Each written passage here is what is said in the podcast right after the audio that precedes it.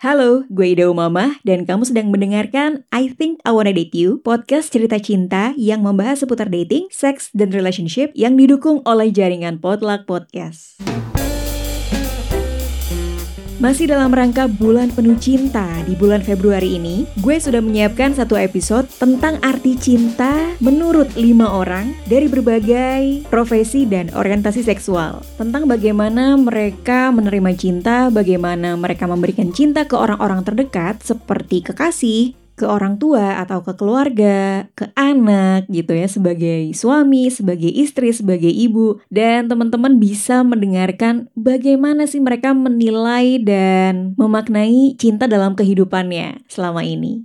Yang pertama, gue mengajak Dea Anugrah, seorang penulis muda yang sudah menerbitkan buku puisinya. Juga ada buku kumpulan cerpen yang berjudul Bakat Menggonggong tahun 2016 dan merupakan satu buku Indonesia Terbaik 2016 versi majalah Rolling Stone Indonesia. Saat ini kamu juga bisa membaca tulisan-tulisan Dea di sebuah media online yang pasti tulisan-tulisan dia seputar sosial, budaya, juga humaniora. Nah, kita akan tanya bagaimana sih cinta menurut Dea sebagai seorang suami yang mencintai kekasihnya, mencintai istrinya pastinya ya. Karena kalau misalnya teman-teman menyimak sosial medianya Dea, pasti akan nemu beberapa tweet atau postingan yang cukup romantis gitu yang ditujukan untuk istrinya.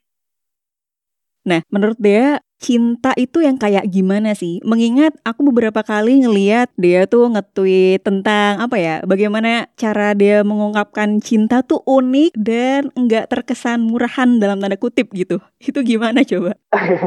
Sebenarnya ini sih yang kulakukan tuh di dalam kepalaku mm -hmm. ya. Yang kubayangkan tuh aku cuma mengekspresikan aja gitu. Jadi aku merasa cuma mengungkapkan aja betapa senangnya aku bisa ketemu orang yang tepat, mm -hmm. bisa menikah dengan orang yang memang aku cintai dan aku merasa kayak udah seumur hidup gitu aku mencarinya orang yang seperti ini hmm, gitu. Yeah, yeah. Dan ketika ketemu dan akhirnya menikah ya senang banget aja dan rasa senang itu yang eksesnya meluap ke mana-mana gitu. Jadi tidak diniatkan sebetulnya untuk ah aku mau ini ah gitu mau memamerkan mm -hmm. hubunganku ekses dari kegembiraan aja karena kan biasanya kalau ada labeling penulis tuh, oh ya pantas dia kan penulis. Jadi kalau ngungkapin sesuatu tuh lebih lancar gitu dibanding orang pada umumnya gitu. Kalau menurut dia gimana? Mungkin ya, mungkin karena kan penulis kan bekerja tuh pakai bahasa yeah. gitu dan memang uh, punya punya tools yang lumayan banyak untuk untuk menyampaikan pikiran atau perasaannya. Mm -hmm. Mungkin itu mempengaruhi. Tapi kalau dalam kasus aku sendiri sih sebelum sama orang yang sekarang jadi istriku, aku nggak banyak ngomong soal soal cinta, soal hubungan di media sosial, diam-diam aja lah gitu. Dulu sebelum dengan pasanganku yang sekarang jadi istriku, mm -hmm. uh, aku banyak cerita soal relationship, soal cinta di media sosial cenderung diem-diem aja lah gitu ngelihat ngelihat orang lain malah banyak cerita gitu. Baru kali ini aja aku begini. Jadi walaupun dulu aku mungkin udah punya udah punya toolsnya tapi nggak nggak pakai gitu karena merasa nggak nggak kepengen gitu nggak ada yang mau disampaikan juga. Tapi kalian berdua itu bahasa cintanya apa sih? Maksudnya kan biasanya kan ada yang pakai word of affirmation gitu atau nggak spesifik? Uh, yang kurasain sih semuanya ya, mulai dari yang paling klise gitu kayak ngasih bunga, ngasih hadiah, gitu, masakan, apa semuanya sih uh, words of affirmation, apa pun lah dukungan kecil-kecil gitu. Misalnya nanyain gimana perasaannya hari ini atau gimana kondisi badannya hari ini. Hmm, oke. Okay. Jadi itu menurutmu salah satu bentuk dan rasa bagaimana cara ngebagi cinta ke pasangan dengan hal-hal yang kecil juga ya? Gak tahu ya, mungkin karena aku merasa saking berharganya uh, hubunganku dengan pasanganku semacam nggak nggak cukup mm -hmm. uh, ditunjukkan hanya dengan satu cara gitu. Bahkan ketika aku misalnya cerita tentang istriku dengan penuh kebanggaan misalnya di media sosial, mm. menurutku itu juga termasuk uh, bahasa cinta gitu. Cara aku nunjukin dukungan ke dia gitu. Buatku apa-apa yang dia lakukan tuh penting dan berharga gitu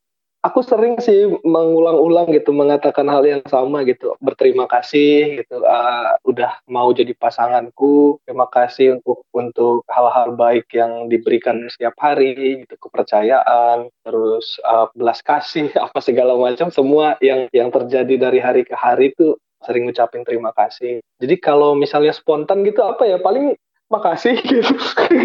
Oke, okay. ternyata ini ya lebih baik nulis memang. Aku merasa tuh bahkan hal-hal yang biasa se sebiasa apa pun tuh aku perlu ucapin terima kasih. Karena menurutku nggak mm -hmm. ada perhatian, nggak ada kebaikan yang layak untuk kita terima cara begitu aja taken for granted gitu. Nggak nggak boleh gitu menurutku. Karena semuanya berharga gitu semuanya datang dari niat yang tulus dari pasangan kita gitu uh, effort yang mm. lumayan juga gitu untuk untuk melakukan hal baik jadi aku merasa membiasakan diri untuk menghargai dan mengucapin terima kasih untuk apa pun oke okay, berarti memang hal-hal kecil juga penting gitu ya menurut kalian untuk saling mengekspresikan rasa cintanya satu sama Betul. lain ya karena se yang besar ini kan dibangun dari yang kecil semua kan. Kalau hmm, yang iya, iya, kita abaikan, pasti yang besar juga akan abai lama kelamaan. Ini aku jadi kayak ikutan menghangat. Semoga tidak terdengar seperti ini ya, uh, seperti kelas motivasi atau apa. Enggak, enggak tenang.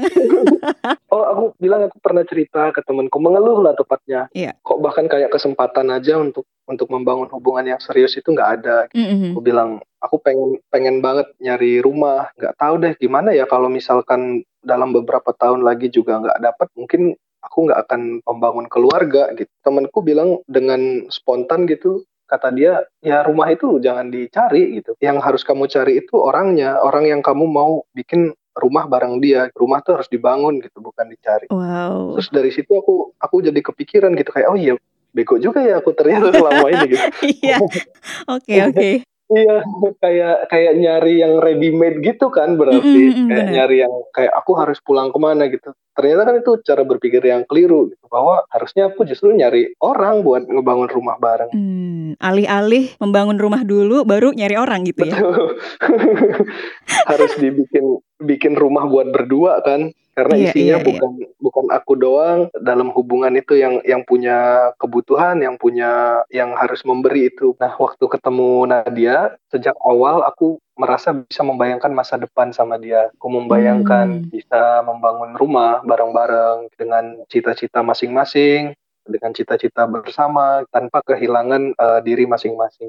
Jadi ini sebenarnya bisa buat rumus baru teman-teman yang mungkin udah usianya matang dan ingin menikah bisa dibalik tuh analoginya. Biasanya kan punya rumah dulu baru cari pasangan. Ini mungkin cari pasangan dulu untuk sama-sama bangun rumah ya tempat untuk pulang. Betul. wow. Secara literal dan figuratif ya rumahnya. Iya benar-benar. Oke, dan berikutnya ada Amar Alfikar, seorang trans pria muslim. Nah, kalau teman-teman pernah membaca salah satu utas dia di Twitter, pasti tahu bagaimana dia berproses menemukan identitas dirinya, kemudian berdamai dengan transisinya, terutama karena latar belakang keluarga Amar ini adalah pesantren gitu ya, lebih religius gitu ibaratnya. Nah, bagaimana sih penerimaan kedua orang tua dan orang-orang sekitar Amar gitu? Dan bagaimana dia memandang cinta keluarganya terhadap dirinya? Aku kan pernah pernah baca utas Mas Amar di Twitter ya. Waktu itu bulan Juni hmm. kalau nggak salah. Soal hmm. foto before after, kemudian juga tweetnya jadi banyak yang retweet, nge-likes juga. Nah, dari situ aku baca tuh sampai apa ya? Cukup salut sama kedua orang tua Mas Amar karena segitu sayangnya dan menurutku bentuk cintanya tuh emang beneran tulus gitu kan. Sementara banyak orang di luar sana yang mungkin mendapatkan penolakan gitu dari orang tua ketika. Anaknya bertransisi hmm. gitu. Nah, kalau Mas Amar sendiri tuh gimana sih waktu berproses dengan transisi ini karena kan sebelumnya juga perempuan dan berhijab gitu ya. Jadi cukup ekstrim lah kalau kalau orang lain memandang gitu. Yeah fakta bahwa orang-orang sepertiku gitu ya teman-teman minoritas gender atau seksualitas mm. uh, ditolak dalam keluarga itu realitas terutama di Indonesia yang mayoritas muslim dan yeah. orang masih uh, banyak orang masih belum bisa memahami bahwa gender dan seksualitas itu hal yang sangat beragam, tidak bisa biner laki-laki atau perempuan saja gitu. Jadi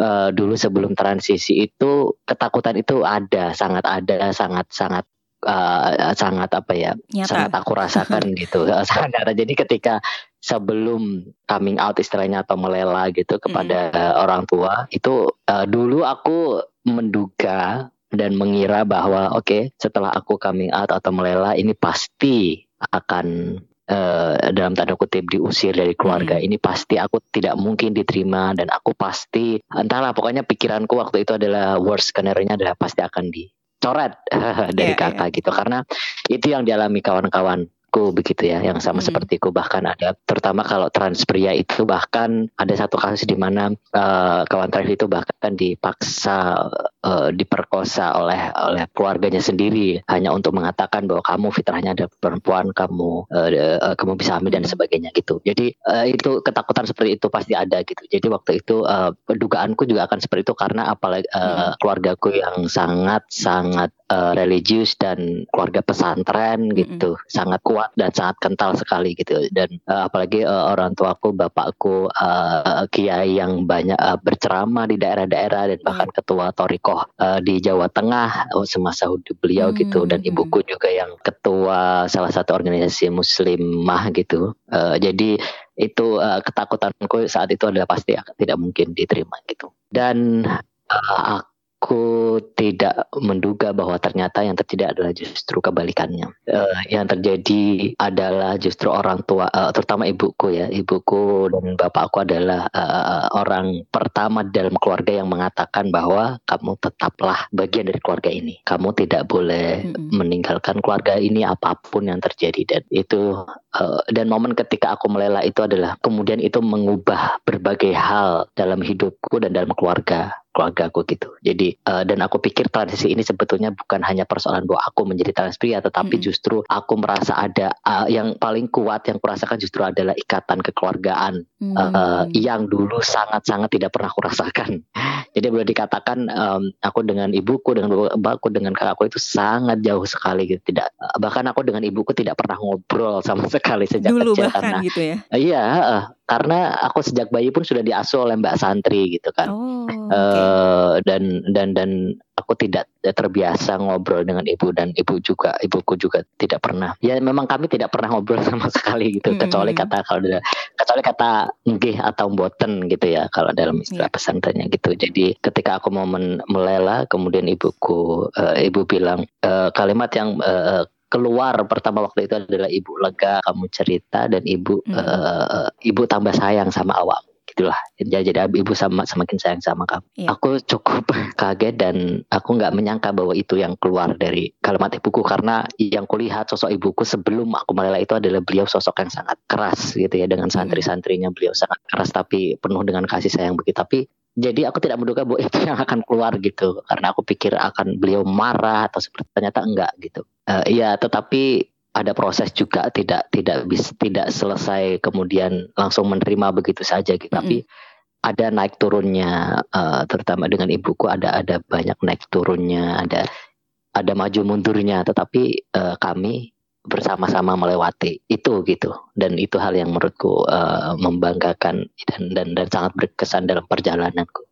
Nah uh, dari situ sebetulnya kemudian aku tersadar melihat orang tuaku gitu. Mm. Meskipun ada momen-momen di mana terutama ibuku ya uh, karena aku sangat uh, sangat dekat sekali dengan ibuku setelah melela dan kami banyak sekali bertukar pikiran begitu uh, misalnya ibuku ketika kami berdialog uh, beliau akan selalu bilang oh iya juga ya gitu. Oh iya ya udah. Intinya oh ya udah ibu semakin yakin nih intinya begitu. Gue mengajak salah satu teman baik gue, yaitu Ri Azura, yang sudah pernah gue undang juga di podcast sebelumnya. Dia adalah seorang editor andal udah hampir satu dekade mungkin ya dia menjadi editor di salah satu publisher di Indonesia. Dia juga beberapa kali mengalami diskriminasi oleh orang sekitarnya dan seperti apa sih sekarang dia memandang konsep cinta dan apakah dia juga menerima cinta dari orang sekitarnya dan dalam bentuk apa aja sih? Buat gue cinta itu maknanya luas, tapi cinta itu identik sama ketulusan gitu. Saat uh, lu ngasih saat lu memberikan sesuatu dan itu lu nggak berharap sesuatu itu balik ke lu dengan uh, hal yang sama menurut gue itu udah cinta mm -hmm. sih dan dan cinta itu nggak cuma lu sama pasangan lu kan lu sama yeah. Iya. uh, keluarga lu lu sama teman-teman lu lu sama alam bahkan lu sama hewan hewan-hewan gitu jadi itu menurut gue lebih besar lagi dan cinta itu membuat lu jadi kualitas terbaik yang lu punya saat lu punya cinta lu pengen uh, jadi apa ya berubah ke lebih baik terus gitu. Ke hal yang lebih baik terus gitu. Jadi dia tuh efeknya justru positif menurut gue cinta itu harusnya efeknya efeknya positif bukan negatif yang malah lo jadi menderita atau mengorbanin diri lo sendiri bukan kayak gitu. Justru cinta itu bikin lo lebih baik tapi lo pernah gak sih mengalami apa ya, katakanlah penolakan atau ada hal-hal yang ternyata nilainya nggak sama gitu di hadapan lo soal soal konsep cinta ini? Oh iya, kadang uh, konsep kita tentang cinta itu nggak sama kayak orang lain gitu. Uh, makanya itu butuh ketulusan lu nggak bisa ngarepin orang lain juga punya punya pemahaman pemahaman yang sama gitu dan itu sering banget terjadi sama gue gitu dan kalau lu ngerasa lu cinta sama hal itu ya udah biar biarin dia apa menuju jalannya sendiri gitu. Oh banyak banget sih, uh, apa ya nggak banyak sih, tapi ada beberapa lah pengalaman yang kayaknya kita nggak di pemahaman yang sama gitu, di halaman yang sama tentang cinta itu. Gitu. Tapi karena karena balik lagi, menurut gue cinta itu tulus. Saat ada ketulusan di situ, lu nggak akan menggenggam sesuatu tuh erat-erat. Misalnya lu sayang cinta sama hmm. adik lu gitu, misalnya adik lu memilih misalnya oh gue pengen tinggal sendiri nggak lagi tinggal bareng sama keluarga. Ya udah kasih dia kebebasan gitu. Identik sama tulus dan memberikan kebebasan sih. Berarti poin lo tulus dan ikhlas kali ya mungkin mengikhlaskan. Wah tulus ikhlas mantap. Agak berat ya. Iya iya iya. Orang kan sering ngertiinnya cinta itu sama yang lain ya kan? Iya benar. Sementara gue ada di posisi yang seperti itu ya udah kalau lu misalnya lu nggak tulus dan lu nggak ikhlas menurut gue belum di tahap cinta itu sendiri gitu. Hmm, berarti level cintanya mungkin masih last gitu ya masih nafsu. Nah gitu masih fisik misalnya kayak gitu ya. Menjadi ibu rumah tangga atau full time mom dan menjadi wanita karir atau perempuan yang bekerja biasanya masih menjadi polemik tahunan yang selalu ramai diperbincangkan. Padahal menurut gue keduanya punya tanggung jawab yang sama-sama besar. Hanya fieldnya aja nih yang beda gitu ya. Dan ketika kita memilih salah satu di antara pilihan itu, tidak berarti ada hal yang bisa mendiskreditkan kita, tidak berarti derajat kita lebih rendah dan sebagainya. Nah, gue cukup mengagumi gadis, seorang jurnalis, seorang ibu rumah tangga, dan seorang ibu ibu muda tepatnya ya yang bisa menjalankan keduanya secara seimbang gitu. Gue penasaran sih bagaimana cara dia mengartikan cinta dalam hidupnya dan bagaimana cara dia membagi cintanya gitu di antara waktu yang menurut orang-orang satu hari 24 jam tuh masih kurang. Tapi gadis bisa membaginya secara seimbang. Wow, berat sekali pertanyaannya. Apa ya? Kayak cintanya tuh beda ya. Masing-masing ya cinta aja gitu. Gimana ya? Gak bisa dibagi-bagi, tapi emang udah terbagi dengan sendirinya. Kayak kalau ke suami, hmm. cintanya tuh gimana ya? Uh, lebih ke cinta tapi ada komitmen yang di yang diikut sertakan gitu bersama dengan hubungan ini gitu. Jadi selain juga emang cinta ya kita sama-sama untuk berjalan beriringannya gimana caranya gitu. Tapi kalau cinta ke anak kan tuh kayak nggak berbalas ya, kayak udah mm-hmm. seluruhnya tanpa perhitungan gitu. Sebesar itulah pokoknya kalau ke anak gitu. Terus kalau ke apa lagi? Aduh saya. kalau ke pekerjaan ya karena ya alhamdulillah pekerjaan gua itu kerjaan yang emang passion gue dan gue hmm. menjalannya happy jadi gue nggak ada beban ngejalaninnya gitu sementara suami gue juga nge-support gue di pekerjaan itu uh, sebagai uh, jurnalis TV uh, karena cinta sama semuanya kita harus ngebagi-bagi supaya porsinya tuh nggak ada yang berlebihan tapi sesuai porsinya dan sesuai kebutuhan gue juga karena gue dari awal adalah seorang individu seorang gadis Bianca yang jelas gue mencintai diri gue sendiri itu yang utama iya yeah, yeah. ya kan terus ya gue punya mimpi gue punya segala macam mm. keinginan terus gue menikah gitu. Terus gue menikah gue punya anak punya tanggung jawab tapi gue tidak melupakan jati diri gue gitu. Gue mau apa uh, gue akan jadi orang yang seperti apa ya itulah gue gitu. Tidak direncanakan untuk jadi working mom tidak direncanakan untuk menjadi orang yang seperti ini tapi mengalir begitu saja menjadi gue yang sekarang gitu dan lu sangat menikmati itu? Alhamdulillah so far gue sangat menikmatinya dengan dukungan dari keluarga gue juga, orang tua gue juga yang cukup support. Tantangan apa sih yang menurut lo apa ya? Lo tuh struggling banget ngelewatinnya? Mungkin membagi waktu itu ketika ada tanggung jawab dari pekerjaan yang yang yang harus menyita waktu lebih gitu. Misalnya mm -hmm. kayak harus keluar kota gitu. Jujur masih agak berat sih. Mungkin juga karena anak gue baru 2 tahun ya. Maksudnya belum belum SD yang bisa ditinggal gitu. Yang mm -hmm. udah gue coba aja gitu. Tapi baru 2 tahun jadi itu agak cukup lumayan kadang-kadang kepikiran kalau keluar kota gitu. Oh, harus ninggalin anak segala macem. Tapi lama kelamaan mm -hmm kalau kata temen gue yang ibu pekerja juga, mm -mm. dia bilang gini, nggak um, apa-apa lo nggak harus ngerasa bersalah kok. Toh juga anak itu nanti ketika besar dia akan berdiri sendiri gitu, nggak butuh lu juga.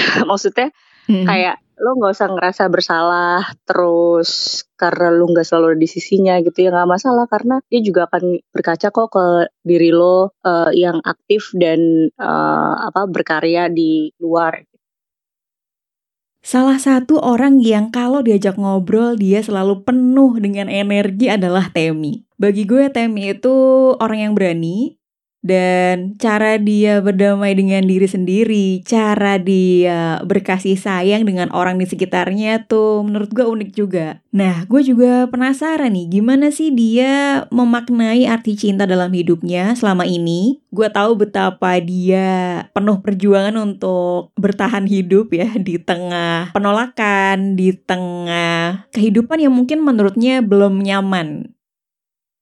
Buat gue sebagai queer sih cinta itu yang penting adalah penerimaan ya. Dari mana kayak banyak stigma yang terlekat pada kami uh, sebagai queer baik dari non queer maupun di dalam queernya itu sendiri gitu. Jadi menjadikan queer itu tidak menjadikan uh, eh, serta merta kami ini uh, queer fobia gitu homofobik atau uh, apa pun itu gitu. Jadi penerimaan itu penting sih. Mm-hmm.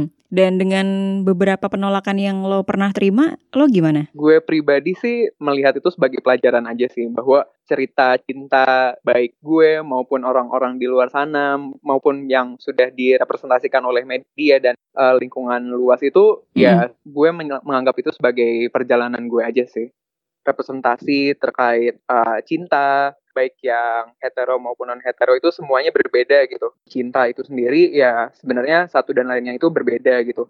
Terutama buat queer kali ya gitu. Saya sebagai mm -hmm. queer hmm, ya itu sangat beda sih dari yang umumnya dilihat gitu. Pengalaman gue dalam mencari cinta juga uh, menemukan banyak penolakan dan punya aturan mainnya gitu yang berbeda-beda juga gitu tiap orang. Contohnya beberapa kali gue sempat ketemu orang umurnya um, udah late 20s, early 30 gitu, mereka kebanyakan udah punya prinsip yang kuat bahwa apakah mereka akan uh, tinggal bersama laki-laki, misalnya ini kasusnya uh, gay gitu ya, maksudnya cowok hmm. dan cowok gitu. Apakah mereka ke depannya memutuskan untuk settle down dan ya udah tinggal bersama uh, sesama laki atau nantinya mereka eventually akan menikah dengan perempuan dan punya hubungan yang heteronormatif gitu ya. Yeah. Ya nggak heteronormatif juga sih, maksudnya ya ya intinya adalah menikah dengan perempuan gitu. Nah, kayaknya untuk beberapa orang itu sudah harus ditentukan gitu ya pada umur yang di sekitar situ gitu. Mm -hmm. uh, jadi ada beberapa prinsip-prinsip yang sebenarnya di di komunitas queer juga agak berbeda-beda nih, sangat berbeda-beda dan tapi di situ juga sangat fundamental gitu. Nah, jadi um, menurut gue adanya dengan penolakan, terus juga dengan banyaknya pengalaman gue sebagai queer mencari cinta, ya itu kembali lagi menjadi self discovery gue gitu. Sebenarnya tuh gue mau cinta yang seperti apa sih gitu. Terutama gue sebagai bagian dari komunitas queer. Dari lima orang yang udah gue wawancara satu persatu di waktu yang berbeda, gue jadi menyadari satu hal bahwa cinta itu banyak bentuknya, banyak jenisnya, dan luas banget gitu. dari bagaimana dia mengekspresikan rasa cintanya ke istrinya dengan hal-hal yang kecil, sederhana tapi manis, yang menurut dia itu adalah ekses kebahagiaan dia karena sudah menemukan pasangan hidupnya yang tepat menurut dia.